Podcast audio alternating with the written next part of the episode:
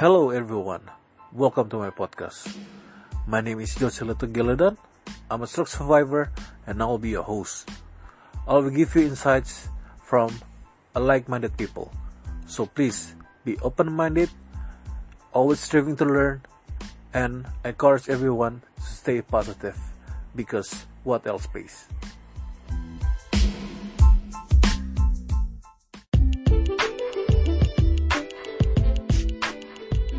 Hello everyone, my name is just a little Gildon. I'm a stroke survivor. Welcome back to my podcast. Senang sekali hari ini um, kedatangan tamu spesial. Dan beliau adalah seorang leader, I would say that. Dan beliau adalah sekarang menjabat sebuah perusahaan. Nanti beliau akan menjelaskan briefly tentang profil beliau hari ini kita akan membahas seperti topik-topik sebelumnya mengenai the mindset of a leader. Jadi kita akan belajar bersama-sama dari beliau mengenai leadership itu apa sih menurut pandangan beliau. Um, diskusi ini akan kita bahas fully in bahasa. So for those interested to know our conversation in English, just shoot out me an email. I will send you the full transcript in English. And diskusi ini akan kita bahas selama 30 menit, more or less. Without further ado, uh, selamat datang Pak Jengki. Ya, sore atau selamat siang, Jose. Thank you for ah. inviting. Alright, oke, okay, cool. Um, ini pertanyaan saya yang pertama Pak, mungkin um, pertanyaan yang sama yang saya saya saya berikan kepada setiap narasumber saya. Yeah. Uh, would you like tell me more about yourself and um, bisa share ke kami Pak uh, Pak Jagi itu siapa, nama lengkapnya siapa, dulu sekolah di mana, um, lahir di mana, sekarang tinggal tinggal di mana, kerjanya sebagai apa, visi misinya okay. apa, silakan Pak. Oke. Okay. Uh, a short uh, history of siapa saya gitu ya. Um, yes, Pak, silakan Pak. Nama saya Yanki Cahyadi, uh, lahir di Jakarta, Indonesia. Uh, tapi pada saat saya umur 13 itu saya pindah sekolah di luar, uh, di Australia. Lalu baru kembali lagi ke Indonesia itu setelah lulus kuliah.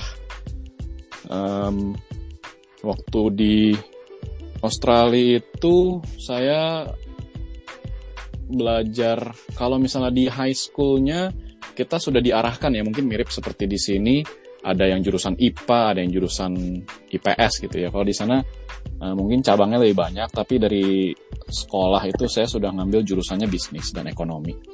Lalu saya kuliah di Sydney University uh, ngambilnya juga commerce and economics juga terus uh, setelah lulus kuliah itu kembali ke Jakarta saya sempat kerja di uh, eh, PT Astra Honda Motor. Nggak lama ya. Lalu ya ada beberapa tahun luntang lantung sana sini coba coba apa peruntungan dalam uh, ber, apa bisnis. Uh, tapi ujung-ujungnya nyangkut di perusahaan yang sekarang namanya PT Multifortuna Sinar Delta Eh, menjabat sebagai presiden direktur.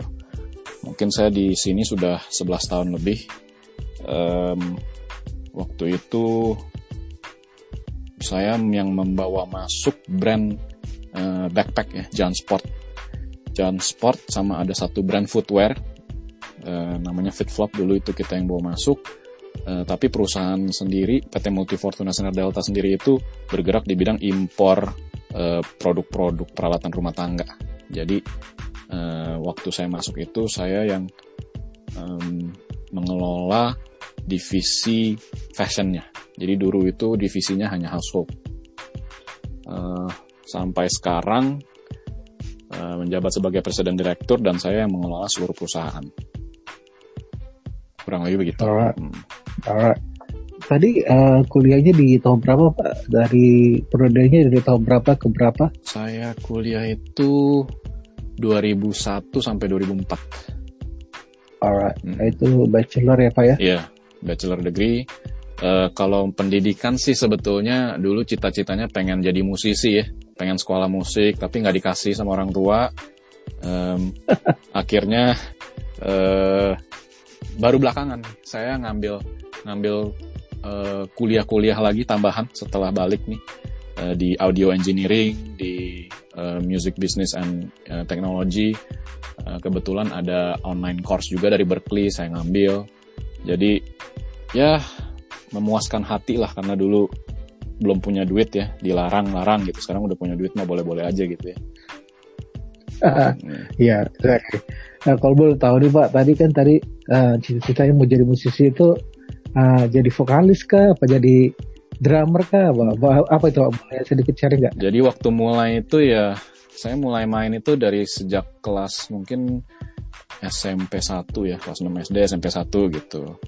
Um, itu sih tujuan uh, pertama-tama belajar main gitar. Tujuannya okay. ya memang pengen pengen trying to impress a girl lah basically ya. So wanna look cool gitu. Ada cewek yang kita taksir kita main okay. belajar main gitar tapi jadi nyangkut gitu apa jatuh cinta ya sama alat musik um, akhirnya serius uh, makin diseriusin um, terus makin lama makin mendapatkan ya challenge-nya lalu um, apa uh, sekarang lebih arahnya ke songwriting.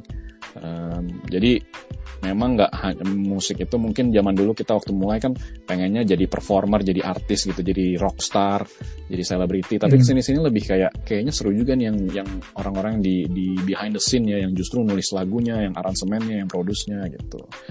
Um, di situlah um, mulai ketertarikan. Dulu itu waktu kuliah juga saya sambil kerja ya, waktu high school juga udah mulai mulai kerja di McDonald ya flipping burgers ngumpulin duit demi beli gitar lah. Beli gitar beli peralatan musik gitu. Oke. Okay. gitu. sounds cool. Nah, terus kan tadi tujuannya mau impress the girl. Hmm. ya ter terimpress ya, terimpress gitu oh iya berhasil. Ya tapi ya namanya cinta ya? monyet ya abis satu cewek naksir ya terus udah gitu kita naksir yang lain ya. Belajar lagu lain lagi exactly, alright. ya, so, Tapi okay, sekarang um, udah anak dua, udah settle. cukup settle ya, cukup satu ya. Alright. Terus tadi uh, bilang sekarang lebih baik, lebih banyak uh, spending waktunya sebagai passion behind the skin. Sudah pernah written apa writing some songs gitu? Ada, Atau... saya ya saya saya upload lagu-lagu saya di SoundCloud, soundcloud.com slash Janki Cahyadi. Cuman memang nggak nggak buat apa-apa lah ya. Saya tulis sendiri, saya dengerin sendiri, saya enjoy sendiri aja gitu. Kalau ada orang yang bisa menikmati ya syukur gitu. Tapi bukan untuk commercial purpose. Karena waktu dulu juga pernah sempet um, berpikir mau terjun ke ke profesional gitu ya dunia musik profesional. Tapi kok jadi ini ya, jadi we lose the enjoyment gitu ya. Padahal uh, kan ya jadinya jadinya kerja gitu ya. Jadinya kayak it's a pressure it's a lot of uh, demands a lot of expectation. Jadi ah kalau sah mendingan jadi hobi yang serius aja daripada dijadiin professional occupation gitu. Alright. Oke okay. menarik nih. Nah nanti saya coba cari di SoundCloud. Boleh. Ya ya ya why not? Oke okay interesting. Um, sebelum akan mau my next questions, saya tarik ke belakang nih dikit ya, Pak Jaki. Um, kan besarnya di Australia mostly, ya guys. Dan di apa kembali lagi ke Indonesia, hmm. find some works, ya sempat utang lantik katanya hmm. seperti itu, dan sempat bekerja di Astra, di awal karirnya kerja sekarang uh, memimpin sebuah perusahaan. Nah saya mau nanya nih Pak Regi, jadi ada shock culture gak sih?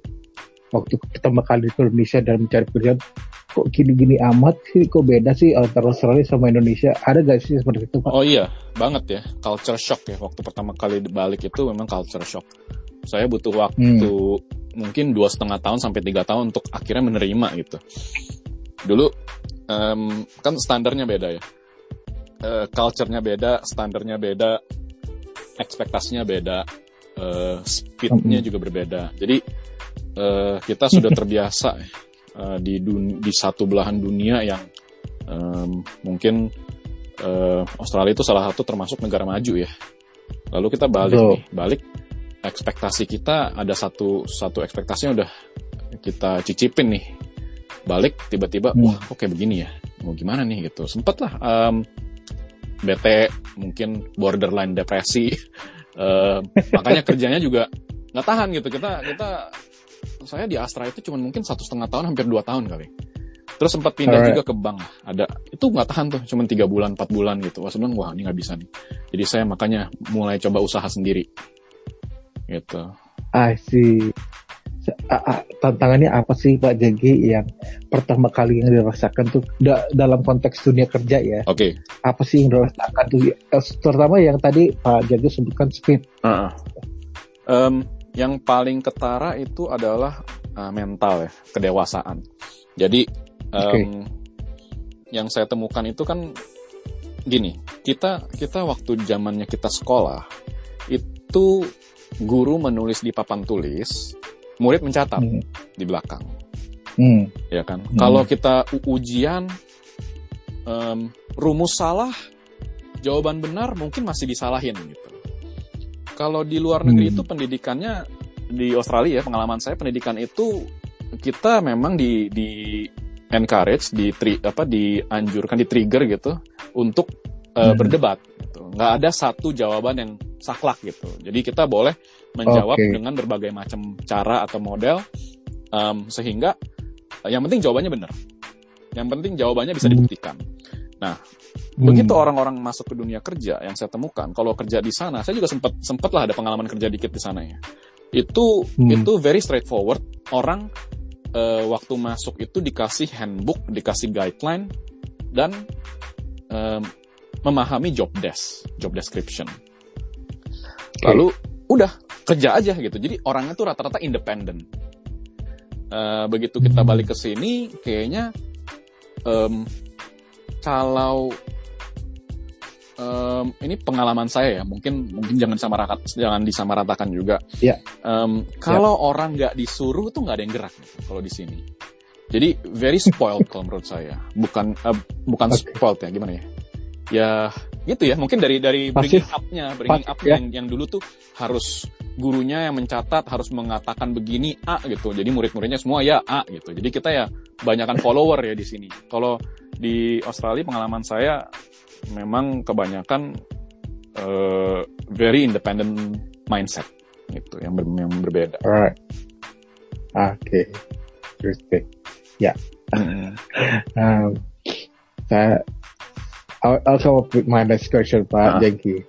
Um, saya kan tahu Pak Jeki itu dari teman saya, friend of mine, Ya. ya. Dan dia cerita kalau Pak Jeki itu um, her mentor lah.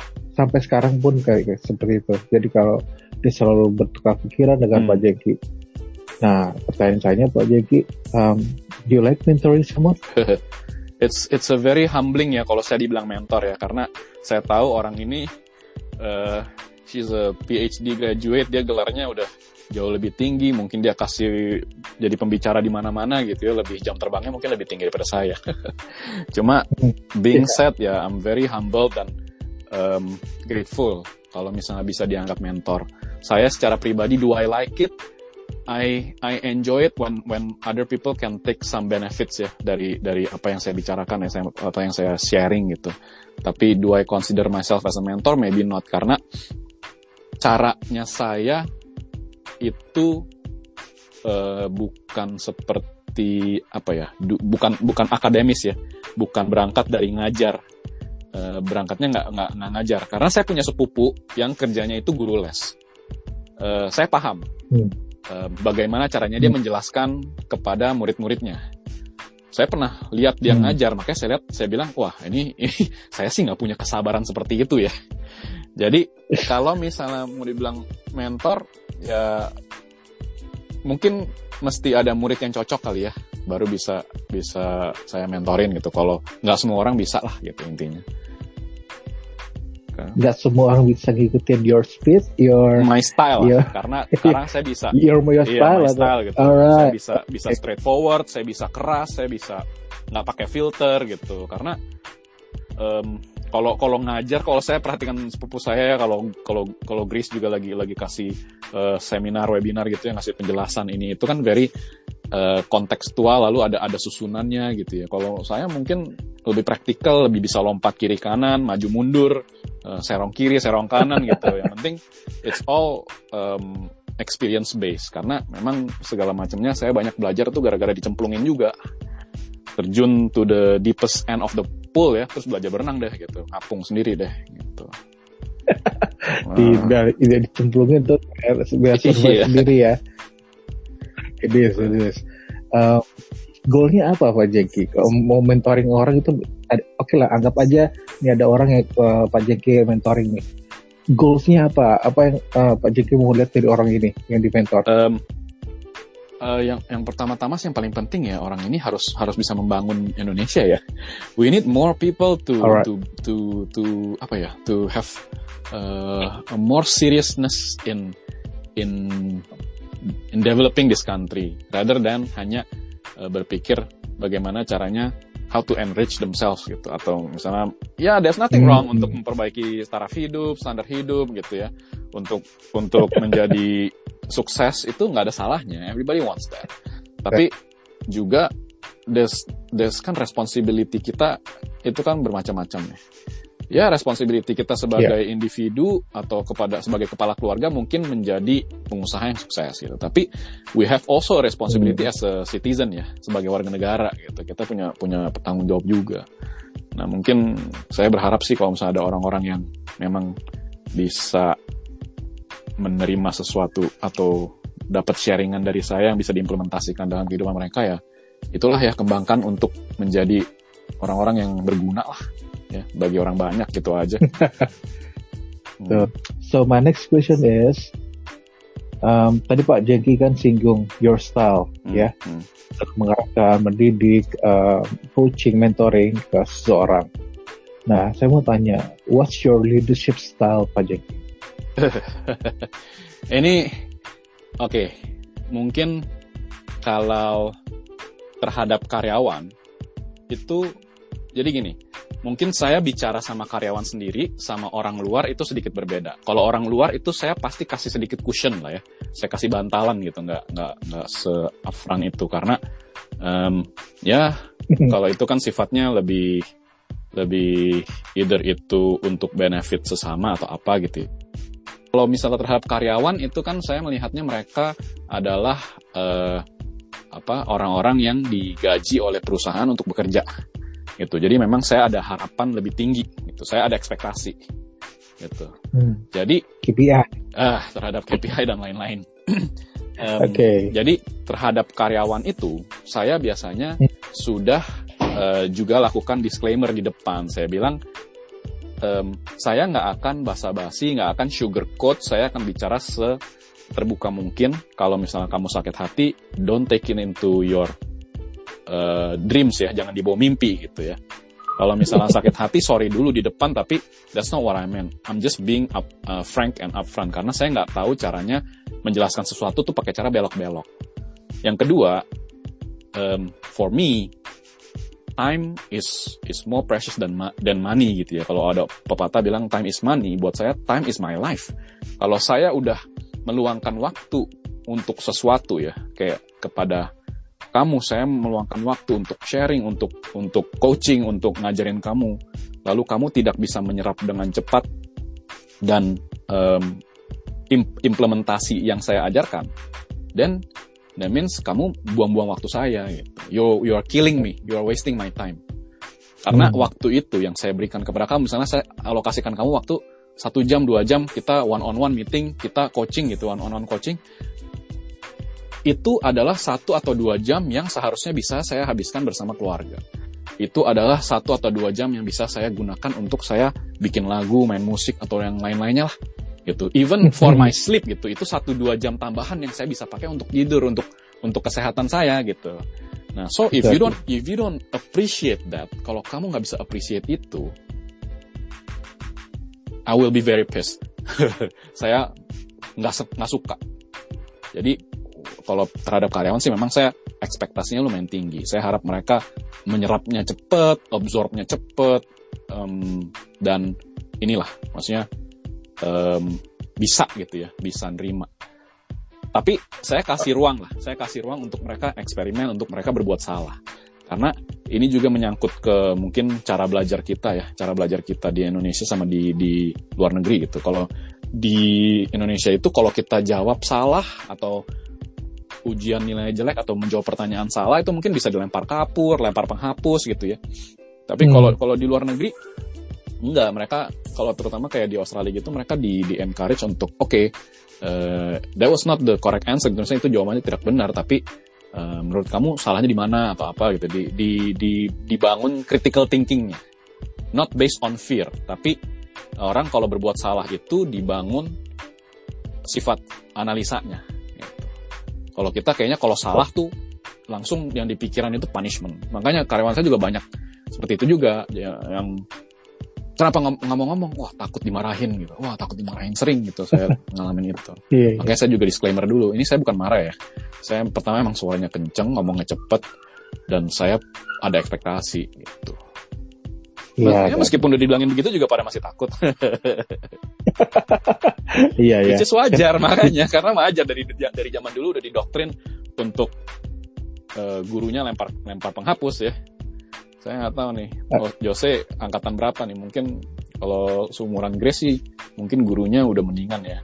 Kalau zaman zaman saya ke atas itu mungkin masih itu lempar penggaris, lempar kapur, lempar lempar ini kalau ada guru gurunya bisa taekwondo aja ditendang sama dia gitu juga pernah Nah, kayak kita sangat pak. Sama ya kita ya? Sama yeah. kita. saya ngerasain apa? Tamparan ya ditampar ya kan? Iya jadi kita takut kan adanya kan gitu. kalau zaman sekarang kan langsung komplain ke sekolah iya. bukannya bukannya jadi jadi orang-orang kita tuh um, nggak nggak berani own up ya kalau mereka membuat kesalahan nggak berani ngaku gitu jadinya jadi yang ada tuh ya mencari-cari kesalahan orang atau apa tidak mau mengakui kesalahan yang gitu gitulah gitu. nah, ya, jadi kita sebagai pemimpin juga harus yang iya kita harus bisa memfasilitasi mereka supaya mereka nggak nggak takut untuk mengakui gitu ya punishment sih tetap ada gitu. tapi kan sebelum dipanis itu kan masih dijelaskan juga kenapa dia dapat punishment itu Alright, oke. Okay. Saya, saya sudah mulai tergambarkan nih your leadership style Pak Jeki. um, you really really straightforward person lah. Jadi nggak ada basa-basinya dulu nggak ada kayak gitu. Nah, iya, straightforward. Iya, I'm not a politician ya. Iya iya. Executor gitu bukan politician gitu. Kalau politician bisa keliling dunia dulu baru ke pokok permasalahannya. Iya, iya, you're really straightforward person. Yeah. Ya nggak apa-apa, benar itu. Dan ya saya setuju. Uh, uh, saya sangat admire kalau memang waktu itu melebihi dari uang Hmm. Oke, okay. um, Pak Jenggi ini my next question nih Pak. Hmm. Pak Jenggi, um, sekarang kan boy banyak orang ya memimpin sebuah perusahaan, hmm. and pasti Pak Jenggi banyak employee yang di bawah Pak Jenggi. Hmm. Um, boleh share gak Pak Jenggi um, kisi-kisinya? How you do see how do you see a person menurut Pak Jeki nih ini orang nih bakal exceeding my expectation nih hmm. seperti apa sih hmm. orang itu um, itu kalau misalnya seperti itu sih kita nggak um, bisa uh, mungkin nggak bisa pakem ya nggak nggak nggak bisa hmm. yakin 100% kita bisa mengidentifikasi bibit-bibitnya yang pertama kalau misalnya dia ada disiplin uh, jujur lalu uh, hardworking. Ya all the positive traits gitu ya. Kerjaan kalau kita lihat kerjaannya dia bagus rapi gitu jarang jarang uh, ngeluh good attitude. Um, itu mungkin the first sign of uh, kayak semacam either itu protoje kayak atau kandidat-kandidat yang kira-kira kayaknya dia di, bisa dimasukin ke dalam uh, apa kelompok star atau high performance uh, employees yang kayak gitu-gitu yang kita memang udah incer untuk di di karirnya kita belokin ke ke level manajemen dan sebagainya. Tapi it's also hmm. not a sure thing karena um, uh, si orang ini juga ada pengaruh lain. uh, internal dan eksternal. Pertama-tama kalau misalnya di internal di tempat kerja dia, mungkin dia staff level, berarti dia ada atasan, hmm. either itu superiornya yang direct atau ada manajernya atau ada tim leadernya dia. Kita juga mesti menilai tim leader dia atau superior dia ini gimana. Nah, kalau misalnya tim leadernya uh, mungkin orangnya toxic atau suka neken atau nggak nggak bagus kan, staff ini kan juga akhirnya mendapat ini ya mendapat negatif vibe ya, mendapat tekanan yang akhirnya menurunkan performa gitu. Um, hmm. Lalu kalau dari faktor eksternal itu faktornya di lingkungannya dia juga. Dia tinggal di lingkungan seperti apa, keluarganya seperti apa, di rumah tangga dia sering berantem gak sama istrinya, di istrinya doyan shopping nggak hmm. yang kayak gitu-gitu ya banyak pengaruhnya lah. uh, uh, jadi minta duit kan gitu. Um, Oke. Okay. Uh, yang how do how do you how do you find that? Ya, misalnya yang faktor eksternal tuh yang menurut Pak Jengke itu ah banyak yang baiknya nih. How do you find that? Do you talk that to the employee often or something? Kalau saya sih enggak. Ah, saya nggak direct ya langsung personal gitu. Terutama ke staff level saya hmm. I try to avoid. Saya kasih uh, hmm. channel direct communication yes. Mereka bisa langsung email saya, telepon saya. Saya publish nomor telepon saya, saya publish email saya dan memang saya buka. Mereka boleh kontak saya untuk ngadu apa pun. Tapi I try not hmm. to get too personal uh, sehingga hmm. menjadi subjektif. Uh, in everywhere in an office pasti ada office gossip lah, office rumor ya dengar dari situ.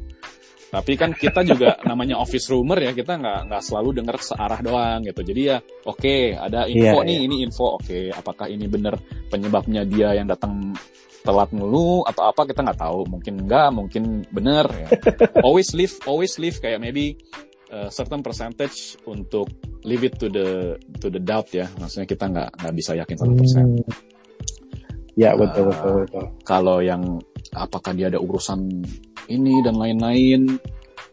Ya here and there lah. You pick up bits and pieces gitu. You you making a puzzle kan. If you're trying to find information about somebody you you you eventually make a puzzle Gitu. Maybe some missing pieces, but you can draw the conclusion. Gitu. Alright. Uh, exactly. Interesting Pak Jadi, mm-hmm. um, my next question is, uh, do you believe that someone can be a leader? Um, yes, of course. Kalau misalnya, uh, why?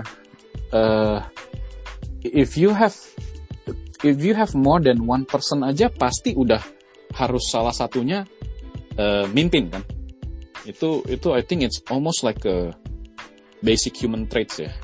Pasti ada yang lebih dominan hmm. gitu. Survival of the fittest. Okay. pasti ada yang lebih dominan dan dia hmm. pasti yang lebih memimpin gitu. Mau itu dalam berdiskusi ke mau itu lagi orang ngopi nih temen dua orang teman lagi ngopi gitu. Pasti ada leadernya gitu yang lebih drive the conversation dan lain-lain itu lebih kentara tuh pas lagi di antara perempuan-perempuan ibu-ibu yang lagi arisan tuh ya gosip gitu. Pasti ada tuh leadernya tuh. Yang alpha ada alpha. Gitu drive the conversation Alright, so um, would you would you see that bisa gak uh, Pak Jengki ngelihat leadership seseorang nih dari dia cara membawa dia atau dari apa bagaimana dia leads uh, the conversations itu ciri-cirinya gimana sih menurut pengalaman Pak Jengki? Uh, being a leader only ya, karena there's also bad leaders loh. Ya, kalau oh, being gitu. a leader, iya dong. Being a leader is easy. You just talk the hmm. loudest and the most. Then you you become dominant ya. You control gitu. You are controlling everybody. Then you are lead, the leader gitu. But that, that doesn't mean you are a good leader gitu. Alright. There's also bad leaders, of course. Kalau enggak kan kita nggak mungkin ada yang namanya kayak apa Hitler lah ya, Hitler kayak eh. atau yang yang yang diktator diktator gitu zaman dulu gitu yang bunuh bunuhin orang. Tapi kan dia ya rajanya dia kan leader, ya kan. Tapi kerjanya bunuh bunuhin orang. Gitu. Um, iya iya benar-benar. Ya, so I, I think I think I think um, leader it comes with charisma, a certain charisma gitu. Kalau misalnya even though hmm. it's fear, if it's uh, humility atau admiration atau apa, wisdom gitu ya. Okay. Ya those those um, basic traits as leader pasti ada lah. Oke. Um, Pak Jengki ini termasuk yang leader stylenya itu yang sedikit bicara atau banyak bicara atau you show uh, something to your employee Yeah. to for them untuk untuk understand atau you comment something like that. Um, Gimana Pak? evolve ya. Karena leadership Evolve. saya juga grow atau becoming more mature as I myself grow mature gitu. Saya semakin mengasah lah uh, the way I lead my my company, the, the way I lead my staff juga itu sambil asah. Kita kan uh, nggak pernah berhenti belajar. Um, awalnya mungkin hanya ngomong gitu, cos cos cos cos cos nggak, it doesn't work nih. Ya udah, kita pivot ya, kita kita tweak. Ayo kita get involved, get get our hands dirty. Eh, um, it takes too much time. Ya, kalau misalnya hands on banget tuh juga takes too much time, micromanaging nggak baik juga. So in the end ya kita harus combine, combine, um, combine all our learn skills yang kita sudah pelajari itu dikombinasikan menjadi satu yaitu nanti jadi gayanya kita sendiri gitu. Um, whether it works or not itu kan dinilai dari hasil. If the company grows, that means it's working. Eh, the company is going over the cliff ya, nyebur ke jurang ya, that means something wrong with the leadership gitu. Gitu. Alright, interesting Pak Jeki. Tadi saya mau nanya, tadi sempat singgung Pak Jeki sempat singgung micromanaging itu nggak nggak selalu bagus gitu. Nah, pertanyaan saya sebenarnya, um, do you do you believe on micromanaging? Um, karena ada persepsi bahwa micromanaging itu kills the the uh, the potential of the employee. How, how do you think about that? Iya, Em, betul. Jadi micromanaging itu kalau size perusahaannya masih kecil sih nggak apa-apa. Ya, jadi you can have Okay. a good quality output all the time. Gitu. Tapi once you grow, se- se- semakin expand, how can you ma- micromanage let's say a thousand people? Kan nggak mungkin. Pasti harus ada Hmm. relying on somebody gitu. Pasti kita harus bergantung Hmm. kepada manajer-manajer kita. Em, manajer Betul. kita mungkin standarnya nggak sama gitu. Ya kita harus terima ada ketidak eh, sempurnaan ya di mata kita tidak sempurnaan di satu hasil ya ya mau nggak mau kita terima karena kita semakin membesar size-nya ya kita harus berpikirnya semakin cara berpikir kita juga semakin besar. Saya pernah saya kan juga punya mentor. Saya punya banyak mentor. Salah satunya saya diceritakan itu dulu pernah ada eh, omongannya eh, Pak Antoni Salim gitu ya katanya. Ini dia menjelaskan Hmm. kepada manajer-manajer dia juga gitu. Kamu ya kalau misalnya ada semut lewat ya di depan kamu lalu kamu kutak-katikin tuh semut terus kamu ganggu-gangguin terus. Kamu mungkin nggak sadar Hmm. kalau ada gajah lewat depan kamu gitu. So that's like micromanaging. If you're only very concerned sama yang perintilan, ini ada ada ada binatang Hmm. segede gajah gitu, kan kamu nggak nyadar gitu. So you're you're losing the opportunity, the, a, a bigger opportunity karena terlalu terlalu mikirin yang semutnya gitu. Nah, Exactly. Exactly. ya, ya. cara berpikir Alright. dia makanya dia menjadi Ah. seorang Anthony Salim ya. Gitu kan? Nah, Yeah, exactly. Uh, but yeah, uh, interesting. Interesting your perspective on that. Um, this is my last question. I promise. this is my last question, Pak Yongki. And mungkin sedikit apa intriguing ya, tapi uh, uh, whatever. Uh, I will I will ask anyway. Um, Pak Jiki kan sekarang memimpin sebuah Hmm. perusahaan, ya. Uh, sektornya tadi di e-commerce, right? eh, salah satu sales channelnya ada e-commerce ya. Hmm. e-commerce ya. Kalau nggak salah itu menjual sebagai apa? uh, kayak perabotan Ya, atau peralatan something like peralatan that. dapur lah, peralatan tete- eh, apa ru- rumah tangga. Ya. How do you, how do you survive, Pak? Strateginya apa? How do you survive during this pandemic? Oh, Strateginya apa nih, Pak? Jeki? during pandemic ya. Iya. yes. Um, during pandemic ini kita mulai lockdown pertama itu kan di bulan Maret April ya kalau nggak salah ya. PSBB yang pertama. Hmm. Itu omset kita mungkin drop sekitar 80% tuh di di Maret atau April. Karena uh, our Oh. main channel itu retailnya itu ada di department store sama uh, hypermarket, supermarket dan lain-lain. Tapi pada saat PSBB kan waktu itu mall tutup semua tuh. Ya kan, mallnya tutup. Ya, Exactly. itu kita drop tuh sampai 80% omsetnya. Em, lalu eh untungnya supermarketnya masih bisa eh, bertahan, bahkan meningkat karena orang tetap lama-lama nggak betah. Mereka mau keluar, tapi eh, nggak bisa ke mall. Akhirnya mereka mau nggak mau ya udahlah ke hypermarket atau supermarket mereka re- eh, rela gitu. Eh, di saat itu Hmm. terjadi peningkatan. Yang kedua, em, project kita juga corporate customers juga ada ya. Jadi kayak hotel, eh, restoran dan cafe itu waktu di PSBB pertama juga pada tutup kan. Eh, sekarang Hmm. boleh hanya boleh take away. Artinya mereka yang hotel-hotel yang tadinya mau ekspansi, mau buka, mau ini harusnya mau beli barang-barang kita itu tertunda juga. Itu juga drop. Tapi Hmm. di sisi lain Oke. eh, ada channel-channel e-commerce eh, seperti marketplace, eh, lalu yang semi-semi e-commerce seperti eh, jualan di Instagram dan lain-lain itu tiba-tiba muncul. Ada orang-orang yang juga membuang waktu banyak di rumah, akhirnya membeli barang-barang kita untuk dijual lagi oleh mereka gitu. Itu juga ada. Dan di situ ada ada ada opportunity. Jadi em, in terms of of sales channel eh, impact-nya kita seperti itu. Yang tradisionalnya terdampak, muncul opportunity-opportunity baru. Em, yang kedua, em, conserving cash ya.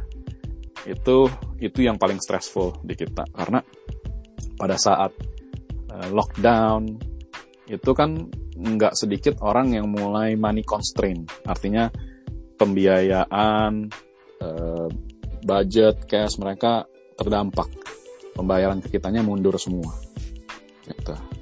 Nah, di situ ya kita mesti pinter-pinter lakukan renegosiasi, either itu debt restructuring, lalu memberikan opsi-opsi pembayaran kepada eh, account receivable kita, dan kita pun juga menegosiasikan ulang kepada eh, payable kita yang kita yang ngutang gitu. Kita juga ada ada utang ke principal atau ke mana gitu ya. Kita juga harus pinter-pinter bernegosiasi di situ.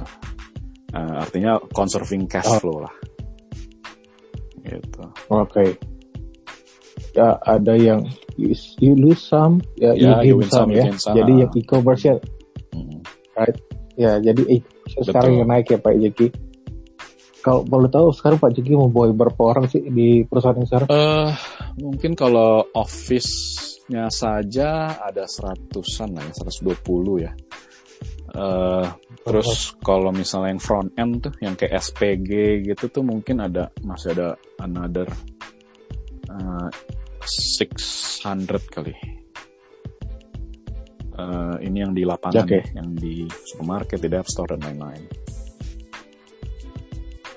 Oke Pak Jeki dan alright dan saya simpulkan dengan your leadership style saya yakin sih perusahaan ini akan survive during this pandemic. um, pastilah saya apa bisa melihat itu I can think through that someone like you nggak hanya live with this uh, your your Hmm. boat sink tapi um, mikir gimana ada cara-cara ada alternatif baru untuk bisa sustainable lah di Iya, perusahaannya ini. benar. Alright, Jeki. Uh, terima kasih loh Pak Jeki udah mau sharing Ah, di podcast saya. Thank you for having me. Ya. I thought you are Japanese when I, when I first look, in your LinkedIn. I thought you're Japanese. Iya. Tapi ternyata orang Indonesia ya Pak ya. Lancar ya, bahasa Indonesia lancar. Lancar sekali Pak. Dan walaupun besar di di luar negeri, tapi bahasa Indonesia tidak pernah lupa. Yeah, Which is very good. um, I wish you nothing but Thank success Pak Jeki. I hope your podcast will gain a lot of listeners. Um, Sure. and uh, very ini ya, you're you're uh, you're a survivor also ya. Yeah. Never Ah, give up. thank you Pak Jeki. Uh, okay, I have a pleasure Pak Jeki and it's honor for you for me to have you in my podcast. Assalamualaikum buat keluar- keluarga and have a nice Ya. Sunday ya Pak ya. Weekend. Eh, Mm-mm. This weekend. Thank you, thank you. Ya, Same to you. Oke, Bye. bye bye Pak Jeki.